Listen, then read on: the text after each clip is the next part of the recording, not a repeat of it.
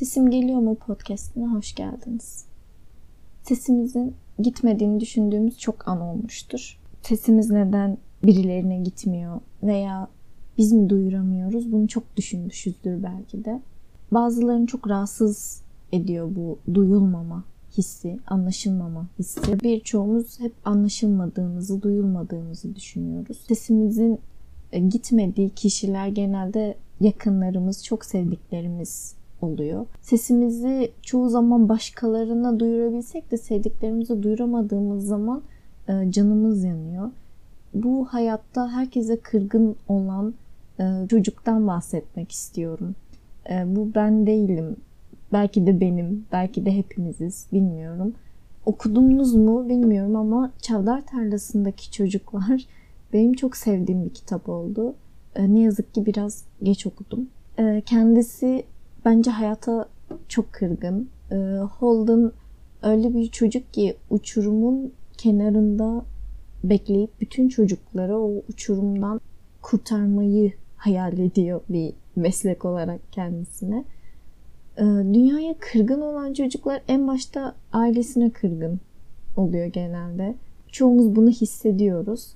Hep dışarıdan bir darbe gelir zannederken aslında hep yakından gelir o darbeler dışarıdan korumaya çalışıp en çok onları incitiyor sanırım hepimizi. Bize ait olduğunu düşündüğümüz bir eşyaya nasıl davranırsak bazen o şekilde hoyrat, bazen sahiplenici, bazen gözümüzden sakınırız, bazen bir çantanın bir gözünde, çekmecenin bir karışıklığında kaybederek, bazen çok önemsemeyerek. Bence anne babalar da çocuklarına böyleler. Onları dünyaya getirmek, onlar hakkında söz sahibi yapıyor onları gibi düşünüyorlar. Ee, kendilerince davranıyorlar. Kendi istedikleri gibi davranıyorlar. Ee, biraz büyüyünce kararı size bırakır gibi yaparlar. Fakat o yaşa kadar üzerinize kurdukları o zaten e, hakimiyet buna pek izin vermez. Yani sen bilirsin ama diye başlayan birçok cümleyle buna devam ederler. Çekindiğiniz ya da kendinizce savaş verdiğiniz çok şey birikir zamanla. Kırgınlığınız öfkeye dönüşürken haksız görülmüşsünüzdür. Hayatınızın her yerine yansır o içinizdeki kırgınlığın büyük öfkesi. Aynı böyle Holden'ın çocukları olan hassas düşüncesi de bu şekilde.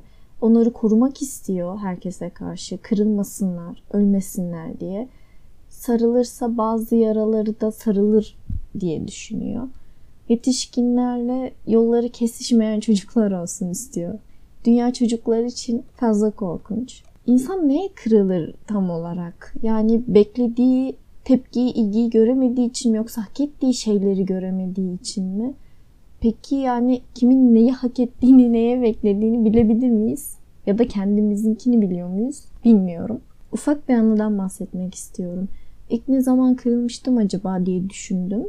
Çok küçüktüm bilmiyorum ama bunu düşündüğümde ilk aklıma gelen anı sanırım e, babam bana sesini yükseltmesiydi. Ben 4-5 yaşlarında.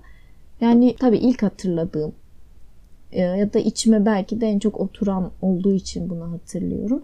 Ne yaptığımı ya da o yaşta bir çocuğun ne yapabileceğini bile bilmiyorum aslında. E, birinin bir başkasına sesini yükseltmesi üzerine çok düşündüm hayatım boyunca. Uzun bir süre ben de öfkemi hep sesimi yükselterek çıkarttım. Anneme, babama, kardeşime sinirlendim herkese karşı. Hiçbir e, faydasını görmedim.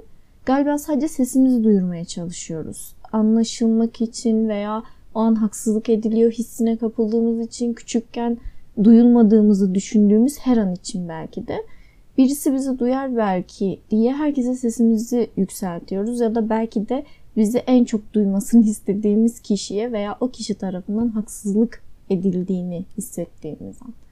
Ee, birine çok değer vermemiz bize bu hakkı verir mi? Ee, veya bize değer vermesi ona haksızlık edebileceğimiz anlamına mı gelir? Bunların altında bir öfke yatıyor. Ona şüphe yok. Ve öfkenin altında da korku yatıyor bence. Neyden korkuyoruz? Bilmiyorum. Yine duyulmamaktan mı, anlaşılmamaktan mı? Asıl duymayan kişiye duyuramadık hiç kendimizi belki de. Bir insan kulaklarını kapatmışsa size isterseniz megafonla seslenin. Ee, hiç fark etmiyor. birisi size anlamaya kapatmışsa kendini faydası yok. Ee, ne söylediğinizin, sesinizin dozunun yüksekliğinin. Dünya üzerinde anlarsa annem anlar gibi çok laflar var. Bu kulaklarını kapatan peki bize annemiz ise ne yapmamız lazım? Buna hiç kimse bir şey söylememiş veya bir yol açmamış, bir yol göstermemiş. Ee, büyürken hep bunu duyduk. Annemiz seviyordu, annemiz duyuyordu, başka kimse anlamıyordu. Peki insan annesi anlamayınca ne yapmalıydı onu hiç bilemedim ben büyürken. O yüzden insan sanıyor ki anneler hep duyar, anlar. Ee, bu yüzden de problemi kendinde arıyor annesi onu duymadığın zaman. 5 ee, yaşında da olsa, 27 yaşında da olsa duymuyorsa yeterince sesi söylenmediğini sanıyor. Anlamamış da yeterince açık olmadığını düşünüyor. Bu burada kalıyor mu? Tabii ki kalmıyor. Böyle devam ediyor. Öğreniyor insan. Belki de böyle sevmeyi öğreniyor. Belki de böyle iletişim kurmayı öğreniyor. İster istemez alışkanlık ediniyor. Birileri duymazsa anlamazsa bu kendi hatası olarak e, kabulleniyor. Yani asıl haksızlığı biraz kendimize yapıyoruz bu sefer. Belki de bu yüzden bir haksızlığa uğrar gibi hissettiğimiz an kuyruğuna basılmış kedi gibi ses çıkarıyoruz, öfkeleniyoruz. Canımız öyle bir yerden yanıyor ki aslında e, ne karşıdakinin bir suçu oluyor ne bizim. Her zaman böyle olmaz tabii. Kaybetmekten korktuğu yerde de çıkar insanın sesi.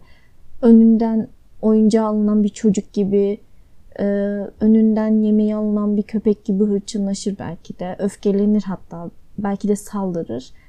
Yani aslında bir yerde kırıldığımız kendimiziz. Yıllarca kendimizi ispatlamaya çalıştığımız, duyurmaya çalıştığımız onca insan bahane.